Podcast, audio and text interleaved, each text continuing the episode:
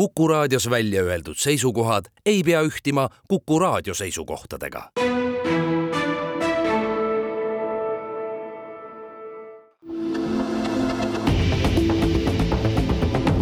kahevahel.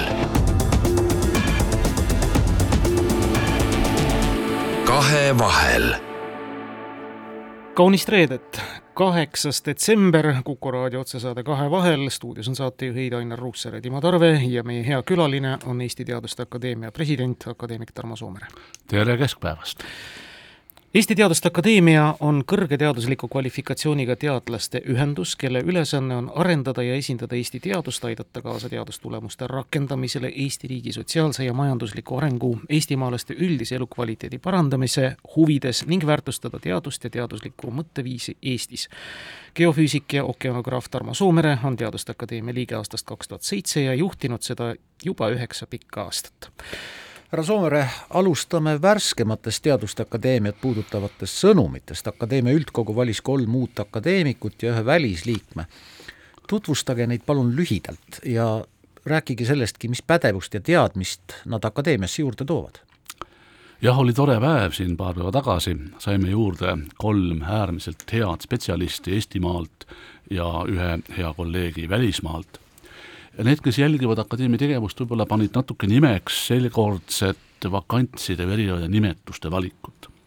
aga see on äh, tugine, tuleb just ennekõike sellest, et meie Teaduste Akadeemia on ühe väikese riigi akadeemia ja seetõttu esindame me lisaks klassikalistele loodusteadustele ju ka tehnikateadusi, arstiteadust, põllumajandusteadust, sotsiaalteadusi, humanitaarteadust, tehnikateadust ja sel aastal avatud erialade valik peegeldab just seda liiki mitmekülgsust, meil tuleb katta kogu äh, maailma teadmiste spekter, kui vähegi võimalik. ja kolm uut äh, liiget, hakkame siis tähest järjekorras pikk, pihta, et Maarja Krossberg-Kuusk on, on tõesti üks fantastiline tegelane, kes on suutnud süveneda Äh, uutmoodi päikesepatareide, päikeseelementide tegemiseks, tegemisse ja niinimetatud kesteriitidel, mida iganes see tähendab, põhinevate uh, uute uh, päikeseelementide kasutegude maailmarekord on praegu nende käes. et peale selle on ta siin jõudnud olla nii õppejõud kui, kui, kui populariseerija ja võib-olla hästi oluline, et ta on juba siis viis aastat tagasi asutatud Eesti Noorteteaduste Akadeemia asutajaliige ja viimased kaks aastat selle president. ja takkaotsa veel, veel ka väga tubli emme kodus. nii et ma arvan, et seda tüüpi inimesed on täpselt need, keda, keda akadeemia vajab, kes on ühest küljest tippteadlased ja teisest küljest, kellel on ühiskondlikku närvu, närvi, tunnetust ja ka isiklikus elus empaatiat Äh, Bert Peterson valiti biomeditsiini valdkonnas viie kandidaadi seast. see valik oli kõige raskem, äh, aga valik tuleb teha, akadeemia ei saa võtta positsiooni, et me lihtsalt lükkame edasi, me ei taha otsustada, see ei sobi. Äh, Bert Petersoni eriala on inimese immuunsüsteem. see on see süsteem, mis ju mingis mõttes, mingis mõttes otseses mõttes kaitseb meid kõigi pahalaste vastu, kes väljastpoolt püüavad meid rünnata ja samal ajal peab ta ära tundma kõik need pisilased ja pis-, mis on organismi sees, kõik head rakud ja neid mitte tülitama nende töös. Äh, et mis on Bert Petersoni eriline panus, on, on tema arusaam Äh, ja selle esitame teistele, kuidas äh, immuunsüsteem muutub koos vanusega, millega me peame rehkendama, kui me tasapisi vanemaks jääme. ja sinna otsa veel täpselt äh, äh, sama tehnoloogia ja, ja, ja vaate alusel siis, kuidas me saaksime paremini kroonviiruse, kroonviirusega toime tulla ja siis jah, mis on võib-olla ebatavaline nii noore mehe kohta, et need tema tööd äh, on juba jõudnud kaasaegsete ülikooli immunoloogia õpikute lehekülgedele. ja mitte ainult selles, selles õpikus, mille ta ise kirjutas, vaid ka, ka teistes õpikutes. nii et see on nagu raudne kvaliteedimärk peale kõigi nende arvuliste näitajate, mis, mis teda iseloomustavad. Äh, ja äh, kolmas akadeemik valiti sellisel huvitaval erialal nagu etnoloogia ja folkloristika. ja see ei ole üldse mitte naljakas, et selles valdkonnas on akadeemik, sest see, kuidas me räägime, kuidas on, millised on meie kombed, kust me pärit oleme, see peegeldab mitte ainult meie tugevusi minevikus, aga see peegeldab seda, kes me oleme ja kuidas peaksime me iseendast aru saama ja millised me võiksime olla tulevikus. nii et see on inimese ja ka siis Eesti rahva tekkimise juurküsimus. et Mare Kõiva võib-olla kõige suurem panus teerajajana on tema äh, äh, tema uuringud Eesti loitsude osas. see on kummaline, et loitsused me nimetame vahest ka loosungiteks ja, ja poliitilisteks loosungiteks, need kõik ju tegelikult loitsud. ja kui me paneme selle kõik ühte taustsüsteemi, siis me järsku hakkame paremini aru saama, kuidas toimib poliitikamaastik ja kuidas saaks ehk seda muuta. ja see nimistu, mis tema veel teinud on, mis valdkondades on, on temalt väga olulisi panuseid, on liiga pikk praeguseks võib-olla kõige kummalisem on see, et me ikka kogu aeg räägime nendest äh, siisikestest üks-üks artiklitest, ükskõik mida see tähendab. tema on loonud kaks sellist ajakirja, kus neid avaldatakse, loonud ja toimetanud. tema on viinud Eesti sõnumi rahvusvahelise areenile. küsimärk sinna otsa lisame juurde veel ka sellise statistilise olulise andme, et Maarja Krossberg-Kuusk on ühtlasi ka noorim akadeemik, kelle te nüüd oma ridadesse selleks korraks valisite kammisin ruttu sünniaastad läbi, sain selle teada. jah, et diplomaat on see, kes mäletab naise sünni, sünnipäeva, aga mitte tema vanust. jaa, muidugi, täpselt nii see käib, aga tahtsingi küsida, kui oluline see on ja kui tihe peaks tegelikult olema Teaduste Akadeemia noh, verevahetus, nooremate teadlaste liitumine väärika koguga, sest teadlased lähevad aina nooremaks ja tublid on nad. kas see peab niimoodi kiire ajaga kaasas käima? Akadeemia üldiselt ei sea mingit vanusepiire, et kui ma õieti mäletan, siis kõige noorem Eesti Teaduste Akadeemia akadeemik on valitud, kui ta oli alla, kolmekümne. Tšeslav Lušik, hetkeks on ta lahkunud. et olulisem on see, et me katame akadeemias kaks valdkonda, me katame, katame kogu selle hea teaduse, mis on Eestis olemas. ja me kat-, püüame katta ka seda, mis on maailmas olemas, teaduslõiked ära. Need kaks asja ei lähe omavahel kokku ja seetõttu vahest ka akadeemia liis-, liikmeskond ei klapi ei ühe ega teisega, me oleme sunnitud olema kahe vahel. teaduste Akadeemia ülesanne on teadustulemuste rakendamine Eesti riigi arengu ja kvaliteedi hüvanguks, selge, et äh, akadeemia on valmis seda alati tegema, oma kogemusi, andmeid, uuringuid jagama. Öelge palun, kas riigil institutsioonidel ja riigiametitel on ka mingisugune kohustus teilt küsida? Või kuidas teie suhe sellesse ülesandesse on? see ülesanne on sõnastatud meie seaduses, mille peaaegu täpne äh,, täpne kajastus juba kõlas siin äh,, siin saate alguses. Ja sama on korratud meie põhikirjas mulle teadaolevalt on riigi nõustamise kohustus olnud veel ainult ühe asutuse põhikirja, põhikirjas, see oli siis see Jõgeva katsebaas rahvuslik, rahvapärase nimetusega, praegu tal on teine nimetus. küll aga eh, on olukord selline, et valitsuse kohustuste seas on ära kuulata kaks institutsiooni, ära kuulata Äh, Teadus-Arendusnõukogu, tänapäeval siis vist juba ka Teadus-Arendus- ja Innovatsioonipoliitika Nõukogu, see on valitsuse ja peaministri nõustav organ, ja Riigikogu majanduskomisjonil on kohustus ära kuulata Arenguseire Keskuse aruanne kord aastas.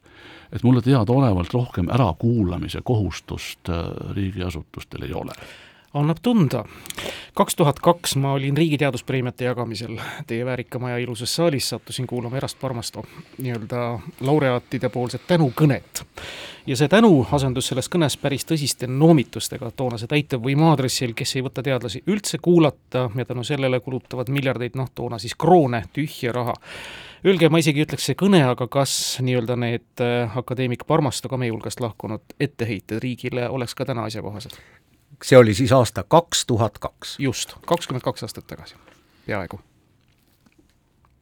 ähm,. jah ähm,. et eks see natuke peegeldab äh, ka seda äh,, et ka tippteadlaste seas ei ole päris täpset selgust, kuidas riigi valitsemine käib et äh, selleks, et teha mõistlikud otsused, peab olema la-, terve lauatäis argumente, nii nagu siin on mikrofon ümber kogu laua. ja nende argumentide seas on loomulikult äh, faktid, teadmised meie maailma kohta, nende, selle parimal tasemel, seal peab olema teadmine ka loodusseaduste suhtes, seal peab olema teadmine, et kuigi rahajäävuse seadus ei kehti, aga, aga rahamassi suurendamine viib varsti suurte probleemideni, siis on laua taga tavaliselt koalitsioon ehk kaks või kolm täiesti erinevat väärtussüsteemi, akna taga Stenbocki majast allapoole vaadata, on ühiskond, kes ei pruugi mõne asjaga kaasa tulla ja kes mõnest teisest asjast äh, võib näha äh, hoopis, hoopis tonti, kuigi see on väga vajalik.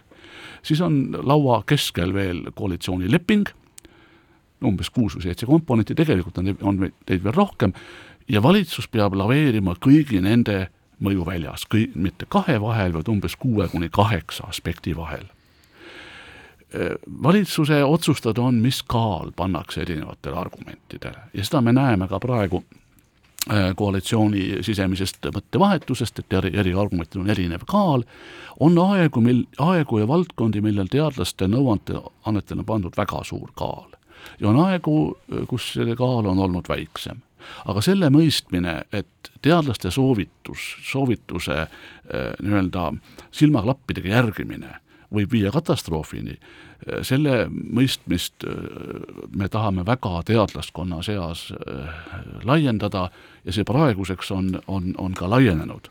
nii et Erast Parmasto, kui ta täna veel elaks, ta peaks teistsuguse kõne, aga ma ei tea, mida ta ütleks me teame seda, et me läheme praegu väikesele pausile ja seejärel jätkame juba saadet kahe vahel.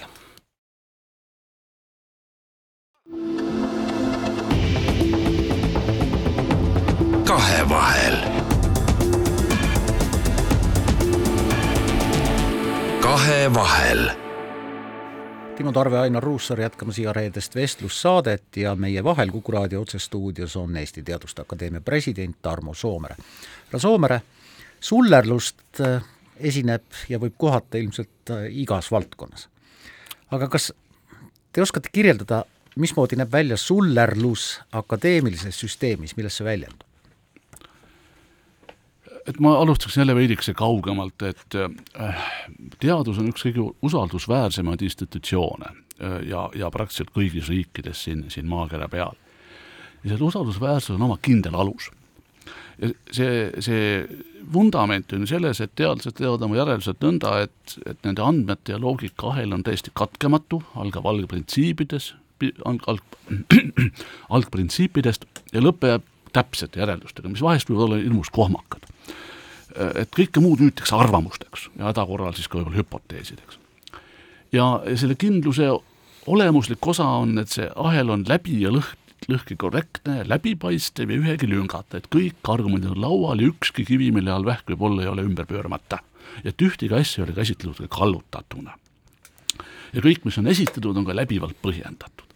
ja sinna juurde tuleb järjest olulisem osa, äh, võrreldes ma ei tea, Galileo Galilei aeg, aegsete värkidega, kui võis kivi alla visata Piisa, Piisa tornist ja, ja mõõta, eh, kaua ta langes, nüüd me tegeleme väga palju äh, sotsiaalsete ja humanitaarteaduste küsimustega, kus on tegemist elusolenditega, ühiskonnaga, ökosüsteemidega, loodusega ja neid ei tohi liigselt häirida ja nende usaldust ei tohi kuritarvitada.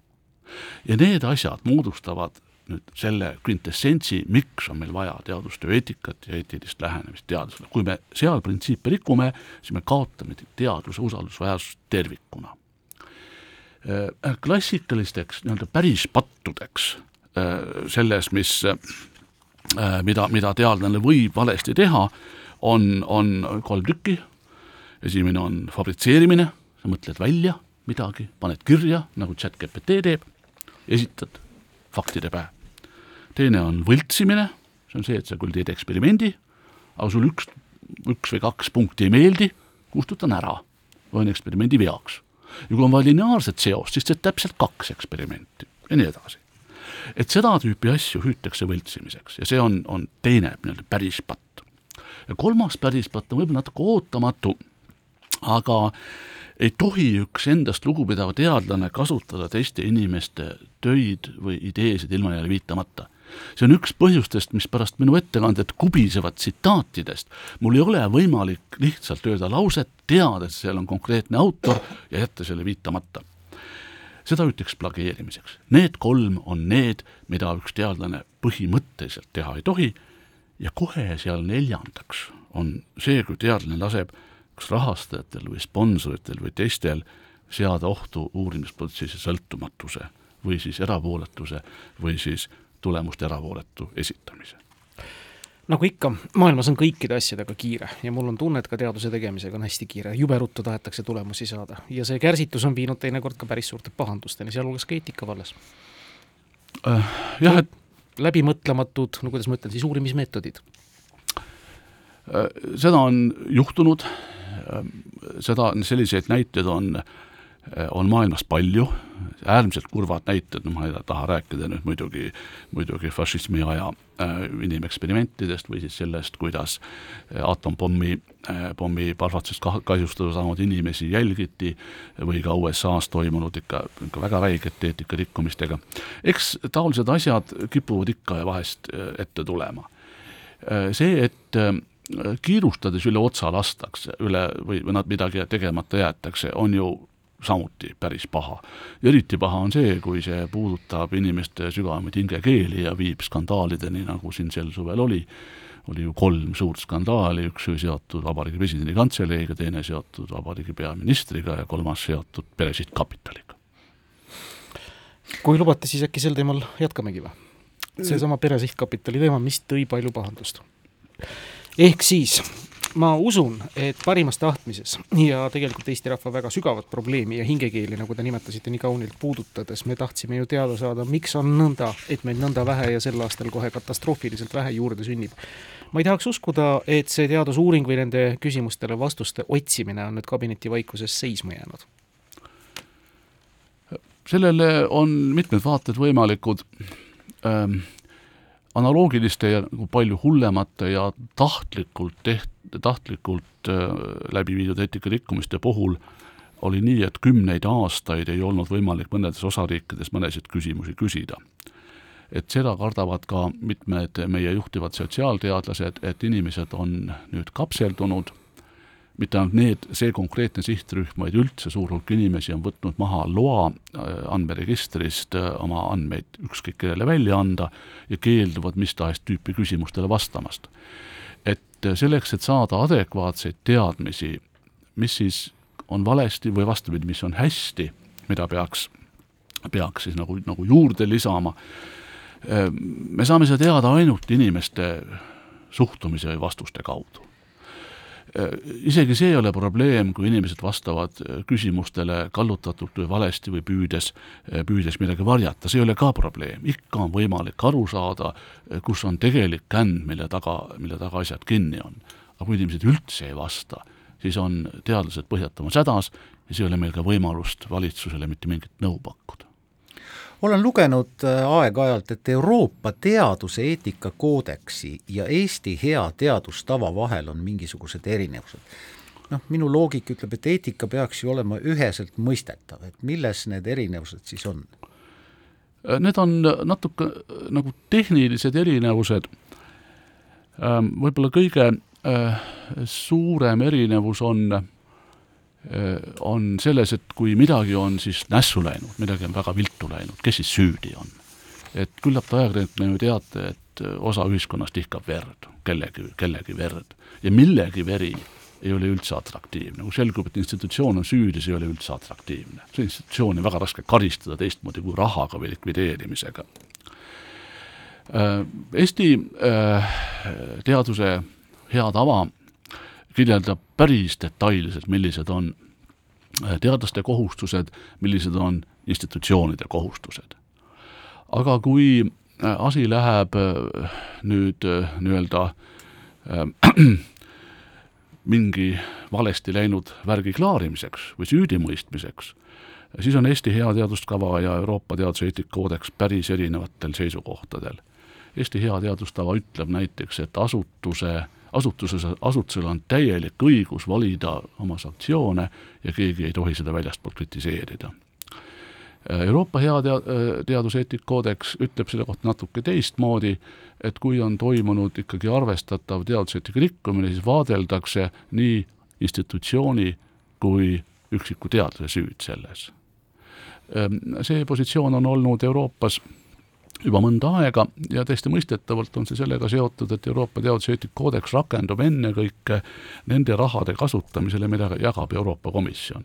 Euroopa Komisjoni, Komisjon tahaks teada, mis siis valesti läks, kas oli inimene rumal, saamatu või, või, või tohman või, või pahatahtlik või on asutuse sees midagi valesti korraldatud. nii et mingis mõttes on, on see erinevus natukene mõistetav, aga jah, et see on nagu päris suur ja, ja minu vaatevinklis ma ütleks maailmavaateline erinevus.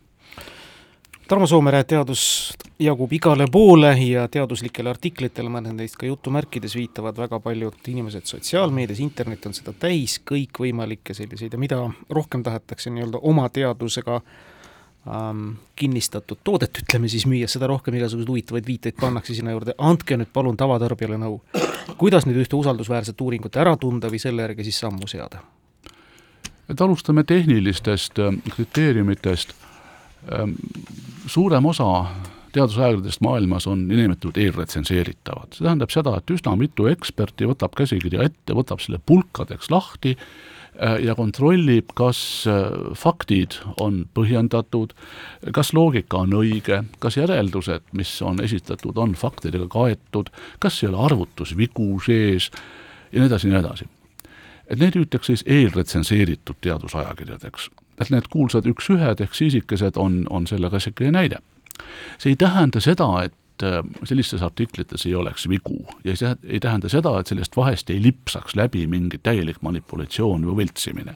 aga tõenäosus, et äh, loete ähm, adekvaatset äh, kirjutist, on palju suurem kui nendes ajakirjades, mis ei kuulu sellesse, sellesse nimistusse. kui nüüd asuda mingi ähm, teadustöö või siis teadustööna esitletud äh, kirjutist vaatama, siis võib-olla esimene küsimus on, et kas see, kas faktid on, on kontrollitud? Äh, kas see, mis kirjutatakse, toetub olemasolevale teadmisele? see võib ka nii toetuda, et ta vaidlustab olemasolevat teadmist. aga, aga on väga raske uskuda, et keegi avastas midagi, millest paljumiljonile teadlaskogukond ei ole varem mitte midagi kuulnud ega näinud. äärmiselt ebatõenäoline.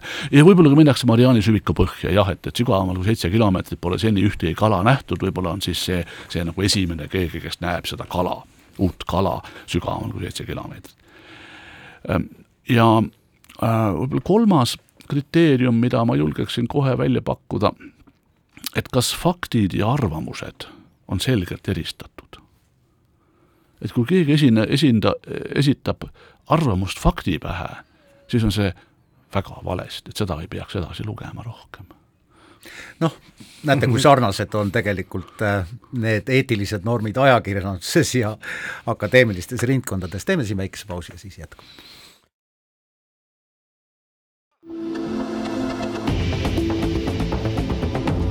kahevahel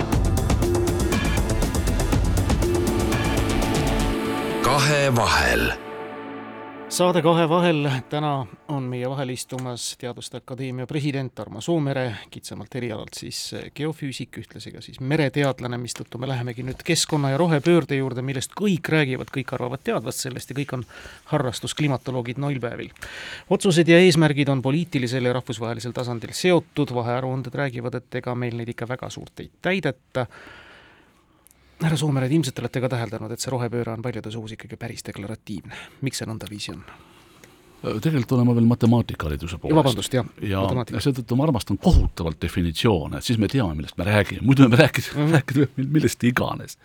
et rohepööre või roheleppel on, on viis kindlat komponenti, mis lepiti kokku, kui ma ei eksi, kaks tuhat kaheksateist, viis aastat tagasi juba, või oli see kaks tuhat üheksateist, ma võin eksida arvude kohta mul halb mäli, halb mälu. et Euroopa majandus peab muutuma kliimaneutraalseks, nii et see ise kasvab, nii et surve loodusele ei kasva, nii et inimeste nii tervis kui heaolu paranevad ja et kedagi ei jäeta maha. Full stop, ütlevad inglased selle peale, hüüumärk, et see on see, mis on Euroopa Liidu rohelepe, milles me oleme osalised. edasi on tuletised ehk interpretatsioonid. tõsi, see on poliitiline ja see on rahvusvahelisel tasemel Euroopa kontinendil kokku lepitud. Täitmisega on keerukam, kui te lubate mulle siin umbes poolteist minutit ekskurssi natuke teise kohta, mis on väga sarnane, see on säästva arengu agenda kaks tuhat kolmkümmend, säästva arengu eesmärgid, mis on väga sarnased teatavas mõttes Euroopa roheleppega. et me peame lahti saama vaesusest, me peame saama parema hariduse, me peame tagama, tagama inimeste äh, mingi mõistliku heaolu ja nii, et kedagi ei jäeta maha äh, miks ma tahan seda rõhutada, et selle printsiibid äh, töötasid välja kaks ülemaailmset teaduste akadeemiate konsortsiumi ÜRO palvel ja kui ÜRO need, need vastu võttis, siis öeldi akadeemiatele umbes nii, et teie soov nüüd täitugu. sel suvel tehti põhjalik ülevaade, mis nendest seitsmeteistkümnest eesmärgist ja ligi saja seitsmekümnest üksikust sihist on saanud. praeguse tempoga liikudes saab täidetud aastaks kaks tuhat kolmkümmend null eesmärki ja kaksteist protsenti väiksematest sihtidest. et me oleme väga tõsise nii-öelda laupkokkupõrke ees loodusseadustega, et see, mida ÜRO soovis mida akadeemiad ütlesid, et see on võimalik, seda ei ole õnnestunud realiseerida kogu maailma tasemel. mingis mõttes ei ole selles midagi imelikku. kui ambitsioon ei ole piisavalt suur, siis ei ole üldse edasiliikumist et need, kes on palju plaane ja strateegiaid tea-, teinud, need teavad, et see kõige olulisem on, on strateegia tegemise protsess, sa mõtle läbi, mis ressursid sul on ja mida sa üldse saavutada tahad ja hakkad sinnapoole minema. see on nagu Nikolai Baturin ütles, kui tahad kuhugi välja jõuda, siis pead teadma, kus sa oled. ja suund on absoluutselt õige, aga tõesti, säästva arengu eesmärgid on olnud ilmselgelt ambitsioonikad ja ebarealistlikud, võib-olla eelmise teemaga seonduv, seonduv fakt, et kui selle tempoga läheksime edasi, siis sooline võrdõiguslikkus jõua, jõuaks kohale kolmesaja aasta pärast. asi seegi. jah, no ilmselt on teatav probleem ikkagi ka selles äh, pidevas muutuvas ja hapras maailmas, sõjad, julgeolek, pandeemia, majanduskriis, noh, lihtsalt midagi ei ole teha, ellujäämiseks tegeldakse muude asjadega kui rohepöördega ja see ongi nüüd üks äh, probleemidest, mis on iga riigivalitsuse laual. meie kliimas nimetatakse seda probleemi energeetika probleemiks. et on väga hea, et me suudame siin juba mõne aasta pärast toota Eesti vajadusele vastava energia hulga taastuvallikatest, see on äärmiselt hea aga see tähendab siis seda, et me ekspordime seda energiat siis, kui energia hind on kas väga madal või negatiivne ja peame ostma juurde energiat siis, kui selle hind on, on astronoomiline.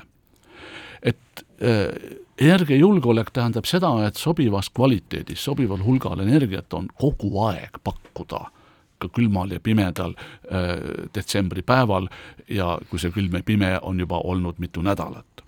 et see on see koht, kus valitsus peab otsustama, et kas me riskime sellega, et äh, korterelamud külmuvad ära või riskime sellega, et maksame teatava hulga eh, süsihappegaasi emissiooni eest kvoot, kvoodiraha. et see on nüüd valitsuse võib-olla kõige raskem otsus.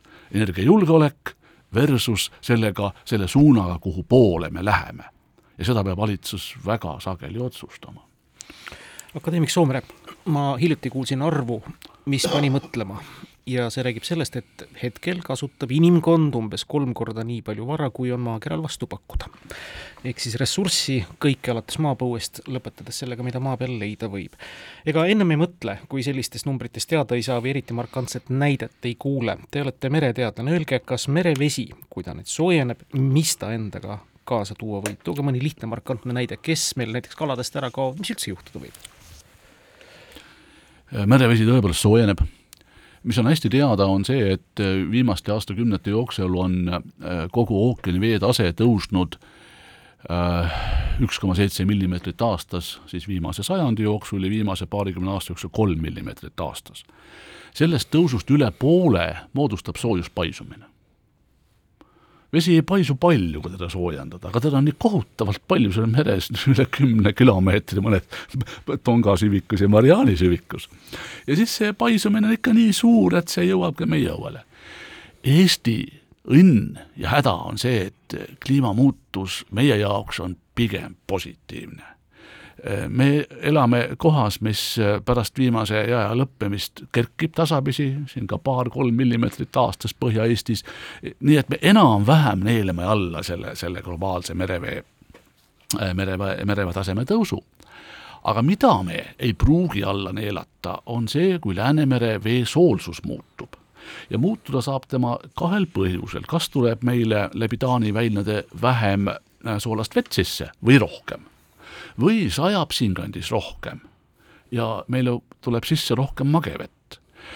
et Läänemeres äh, on riimvesi ja riimvesi on üks äärmiselt vastik elukeskkond, see nagu liivakõrb imetajatele selle, sellele ähm, soolsuse vahemikule, mis Läänemeres on tavaline, sellele on kohandunud väga vähesed kalaliigid, vetikaid rohkem ja nüüd ümarmudil saab siin ilmselt, ilmselt päris hästi hakkama.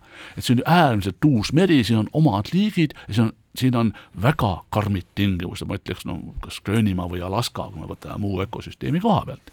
ja väikesed muutused selle, sel-, nendes tingimustes võivad tähendada, et mõni kalaliik kaob lihtsalt ära.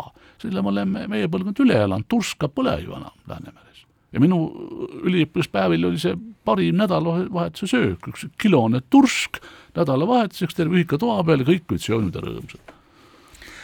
härra Soomere, meri on liikuv meri, ei ole soostunud tiik, mis peaks ju tähendama või võiks tähendada, et noh, näiteks üheksakümnendate alguses merre uhustud saaste on kuidagi laustunud, siit Soome lahest ja Läänemerest läinud või on see ekslik arvamus? see oleks õudselt tore, kui see nõnda oleks tegelikult püsib vesi Läänemeres, noh, jämedalt statistiliselt võttes, mis on see kolmas suurim vali, vale, hädavale sihiliku vahel kõrval, püsib natuke alla kolmekümne aasta, keskeltläbi üks veemolekul. erinevalt energiamolekulist on veemolekulid olemas. Äh, see on küllalt pikk aeg ja selle aja jooksul jõuab äh, koos äh, mageveega jõgedest tulev reostus merepõhja settida. ja seal tema jääb püsima kuni planeedi lõpuni, kuni ei lähe meie seda üles keeruta. kuuekümnendatel aastatel Soome äh, tselluloosi- ja paberitehastest pärinevad dioksiinid on praegu äh, Soome lahe äh, kirdeosa põhjasetetes paarikümne sentimeetri sügavusel. see oli see, mis pärast Eesti, Eesti ütles, et me ei tohi sinna Nord Streami toru panna, kui me sinna toru paneme, see toimib nagu tuuletõke lumetormis, kuskilt hakkab äh,, hakkab, hakkavad põhjaseted ära minema lähevad liikvele ja siis need dioksiinid jälle vabanevad. et kui me suudaksime mere jätta, nagu ta on, et merepõhjas ei oleks kuigi kiireid liikumisi, siis ma, siis on see teie mõte täiesti õige, mis on sinna sattunud, jääb sinna, see, mis on Las Vegases, see jääb sinna. aga seni, kuni me seda liigutame. Läänemere põhjas olevate veeliikumiste kiiruste kohta puudusid mõistlikud hinnangud veel see aeg, kui Nord Stream esimest loodi. kui Soome kohus ütles, et need kiirused ei tohi ületada viisteist sentimeetrit sekundis. meie kolleegide esimene mõõtesessioon sai tulemuseks nelikümmend vist kaks sentimeetrit sekundis. et Läänemere põhi ei ole vaikne hauakoht seal käivad väga kiired liikumised, mis on suutelised tervet Estonia laeva lohistama mööda kallakut allapoole et meie arusaam viimasel poolsel aastakümnel Läänemere põhjast ja toimimisest on räigelt muutunud. nüüd me teame, et on täiesti olemas võimalus, tänu kliimamuutusele, tuulte suundade muutusele, jõuavad merepõhja mõnda kohta suured hoovusekiirused. ja see on äärmiselt vastik tunnetus ja see on üks neist põhjustest, mispärast on otsustatud kõik keemiarelvad Läänemere põhjast üles korjata. see tundub hea mõte kliimapöörde pessimistid või noh, need, kes seda nüüd nii hosiannaga ei tervita, ütlevad, et äh, see läbimõtlematus kliimapöördele üleminekul, mis on tingitud kindlasti ka kiirustamisest, toob enesega kaasa lihtsalt nii suured kulutused, olete te nõus sellega? noh, et äh, kliimamuutusele reageerivad poliitiliselt valitsused, aga majanduslikult ettevõtted. ja ettevõtet ei saa kunagi süüdistada selles, et ta tahab kasumit teenida, see on ettevõtluse esmane eesmärk, teenida kasumit ja kui on võimalik, kui ei ole poliitikutel piisavaid teadmisi, kui nad ei loo endale polstrit või vundamenti teadlaste näol, noh siis on võimalik ettevõtetel meeletult teenida. Ehm, et kui ma nüüd julgen jälle tagasi pöörata korra, korra mere- ja rannikuteadusesse, et kliimamuutus mere, merel tähendab, et veetase tõuseb, me peame oma sadamad kas kõrgemaks ehitama või rohkem sisemaale viima keskeltläbi ühe sadama või tõsise infrastruktuuri ähm, kasutamise aeg on viiskümmend aastat pärast seda me peame sinna tohutult raha juurde panema ja raha nii, kuna muutunud aga tehnilised tingimused, võimalused, tavaliselt see juurde pandud raha on palju rohkem kui pool äh, algsest ehitusmaksumusest. ja siis ei ole nii väga suur vahe, kas me ehitame selle viis meetrit kõrgemale või, või sada meetrit rohkem sisemaa poole. et me nagunii peame sinna raha panema. Energiajulgeoleku tagamiseks me peaksime nagunii kaks kuni kolm Auveret ehitama Auvere maksumus on raske muidugi öelda, et ma ei mäleta täpselt, kui suured trahvid olid, aga, aga ühik oli seitsesada miljonit. ja meil oleks vaja kahte miljardit investeerida äh, nagunii, kui me tahaksime fossiilkütustel tagada meie energiajulgeoleku. et need arvud on jäetud kõrvutamata eks ma ju oskan ka kohe probleemi öelda, et kui ikkagi ei õpeta, õpetata reaalset matemaatikat koolides, siis ei teki varsti inimesi, kes oleks suut-, suuteline eraldama korrutamist jagamisest vot väga õige ja sellest õpetamisest me hakkame veel rääkima. jaa, aga mul enne pausile minekut üks põhimõtteline küsimus, mis mind vaevab ja millele te kindlasti oskate vastata.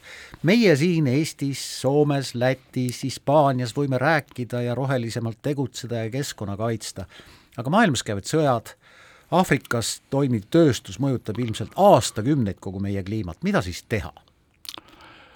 jah, et see on niisugune hea küsimus, aga see küsimus oli, oleks olnud väga adekvaatne enne, kui elasid Newton ja Leibniz. ja see küsimus on, peegeldab seda, et kas ikka Achilleus jõuab kilpkonnale järgi või läheb mööda.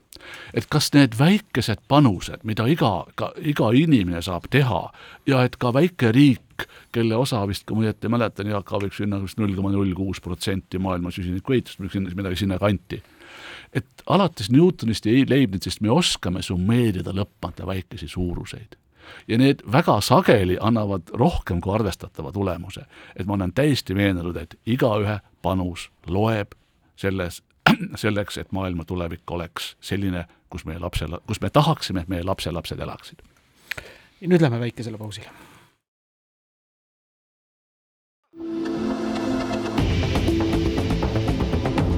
kahevahel. kahevahel. kahevahel jätkub äh, ja Timo Tarve ja Ainar Ruussaare vahel Kuku raadio stuudios on Teaduste Akadeemia president Tarmo Soomer. hea Tarmo, räägime loomulikult ka haridusest. Te olete kõik sügavuti õpetatud, haritud inimese usku. PISA tulemused on meil ilusad kas peaksime õpetajate tänast appikarjet streigi näol võtma nüüd täie tõsidusega, väärtustama neid palgas ja veel, milles nad kõigest seda soovivad? See, et me meie tingimuste, meie, meie infrastruktuuri, meie ajaloo ja palju muu taustal oleme maailmas nüüd esinelikus, nagu ma õieti aru saan. Euroopas esimesed. Euroopas esimesed, noh Euroopa on ainult kaksteist protsenti maailmast, nii et see ei ole nagu mingi näitaja ju tegelikult et see on täiesti ebanormaalne, see on täiesti anomaalne, see on tulnud millegi arvelt. mille arvelt on see tulnud, ei ole suudetud äh, praeguseks tuvastada, aga äh, maailmas siiski sotsiaalteadus on nii kaugel, ta suudaks tuvastada, kes selle delta tegelikult kinni maksab. tõenäoliselt maksab selle kinni äh, tervishoiusüsteem õpetajate läbipõlemise kaudu, maksab kinni kõrgharidussüsteem, Ähm, õpetades nii-öelda tühja inimesi, kes ei jää püsima äh, süsteemi ja maksavad veel mitmed teised süsteemid, seda on võimalik hinnata. Aga see selleks, et äh, tegemist on täiesti ebanormaalse situatsiooniga ja täpselt sama ebanormaalne on see, et Eesti teadusmõjukuselt maailmas on samuti neljandal kohal, esikohal on Singapur, siis on, siis on Island ja Panama ja Panama pole üldse naljakas, sest Panamas on väga võimas troopikuuuringute instituut ja palju rohkem nagu teadust ei olegi et me oleme hariduse ja teaduse mõttes nüüd maailmas samal pulgal, mis on absoluutselt ebanormaalne. nii et õpetajad ja ka süsteem on teinud fantastilist tööd. ja selles mõttes on täiesti loogiline, et kuna see õpetajad on kaudselt kinni maksnud suure osa puudujäävatest investeeringutest ja ka ühiskonna suhtumisest tulevat, tule, tulenevatest väärtustest, siis nad noh, ütlevad praegu viisakalt, et kuulge, meie enam niimoodi ei taha. ja minu põlvkond ei mäleta revolutsiooni, revolutsiooni situatsiooni kirjeldust, et alamkihid ei, ei taha ja ülemkihid ei saa enam samuti edasi elada ja tundub, et me oleme selle ees. aga filosoofiast edasi äh, õpetajate palgasoov on ainult üks ja ma arvan, et suhteliselt väike aspekt kogu selles kompleksis. Et see, mis on märksa olulisem järgmise põlvkonna kasvatamisel, on, et kes on autoriteet või mis on autoriteet. kas fakt on autoriteet või arvamus on autoriteet? et võib-olla vale, vale paralleel, aga et mulle ei meeldi põhimõtteliselt Arvamusfestivali nimi, see võiks, selle asemel võiks olla Faktifestival. et äh, kui harituma ja kogenuma kolleegi või inimese arvamusel on täpselt sama kaal kui ilma hariduseta inimesel, siis on, siis on süsteemis midagi süsteemselt ja struktuurselt valesti, nagu me räägime struktuursest eelarve puudusest vahest, puudujäägist. et õpetaja sõnadel ja arvamusel ei ole seda kaalu, mis olema peaks. võib-olla, et ma näen jälle ühte külje, külge üle võimendatuna, aga et minnes nüüd viimaste nädalate intervjuude peegelduse tasemele, et õpetajal peaks olema võimalus õpetada korralikult ja ta ei peaks kulutama oma aega jõuda, jõudu vaidlemiseks lastevanemate advokaatidega selle üle, kuidas on õige õpetada. see on väga hea. absoluutselt ja suurepärane mõte kõlas siin, mul kohe tekkis idee, et äh, mõned inimesed võiksid korraldada suvel Narvas jõe eestipoolsel kaldal venekeelse faktifestivali, mis on hästi kosta Jaanilinna nii et selle, selle idee eest äh, suurepärane. kuulge, rahvastikuuuringud on jätkumas vähemasti mm, akadeemias ja ka tundub, et äh, kabinetivaikuste äh, kas me sellest iibekriisist, millest palju räägitakse, tuleme kuidagi välja? saja aasta jooksul ei ole sündinud nii vähe lapsi kui praegu. et nüüd on siis jah, lennufirma juhtimise koroonaviiruse, viirusega hakka saam-, hakkama saamise ja mu-, mitmete muude asjade kõrvale siis nimist, lisandunud sellesse nimistusse, mida, mida kõik teavad ja oskavad, siis iibe küsimus. Et iive, laste sünd on, on äärmiselt delikaatne, väga isiklik, isiklik otsus, mille puhul me saame rääkida statistikast ja me saame rääkida võib-olla sellest, et kas mõnedel puhkudel äh, saab riik midagi aidata, et inimesed tegelikult nagu väga tahaksid omale koju last ja tahaksid, mõni tahaks olla vanavanem, aga et ei suuda. et nii palju, kui ma olen aru saanud selle ala Eesti parimalt spetsialist äh,, parimalt spetsialist Allan Puurilt, et äh, see probleem on, on selles, et noortel inimestel ei ole kindlust, et nad oma lapse suudavad üles kasvatada et äh, see on niimoodi väljendatud, tõenäoliselt on ta äh, natukene laiem, on palju ebakindlust tulevikumaailma suhtes, sinna lisandub või selles, selles komplektis on palju, äh, palju aspekte, on kartus sõja eest, kartus kliimakriisi ees, et meie lastelastel ei ole üldse süüa, pole kohta, kus olla, et kõigi nende kartuste summat äh, võimendab hirme võimaliku mittetoimetulemise ees. aga äh, kõik need, nende hirmudega on muidugi nõnda nagu, nagu selle küsimusega, et mis siis tegelikult veab kliimamuutusi. kõige tugevam kasvuhoonegaas on veeaur. sellega me ei saa mitte midagi pihta hakata. süsihappegaas annab noh, alla veerandi või isegi veel vähem, aga sellega me saame midagi pihta hakata.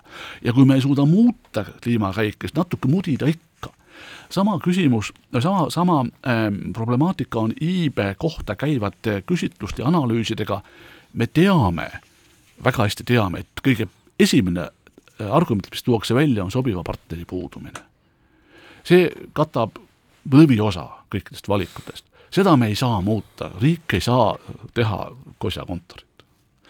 küll aga need ülejäänud osad, ka mõni või mõnikümmend protsenti, kui me oskaksime sinna panna õigeid asju, kas või empaatiat, kas või arusaamist, kas või tuge, kas või, ma ei oska öelda, pisiasi, ehitada ülikooli väravasse lasteaed hm..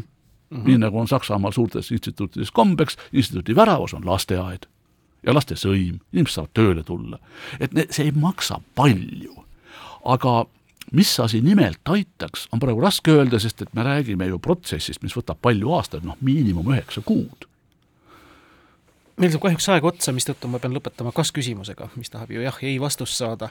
tsitaat Toomas Hendrik Ilveselt, hästi kuulus, mis tõi meid siia, ei vii meid enam edasi. kas me teame, mis, mis peaks meid viima edasi? Õnneks ei tea ja see ongi elu ilu.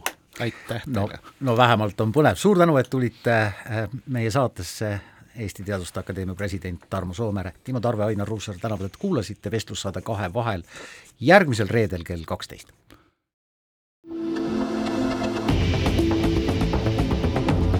Kahevahel. kahevahel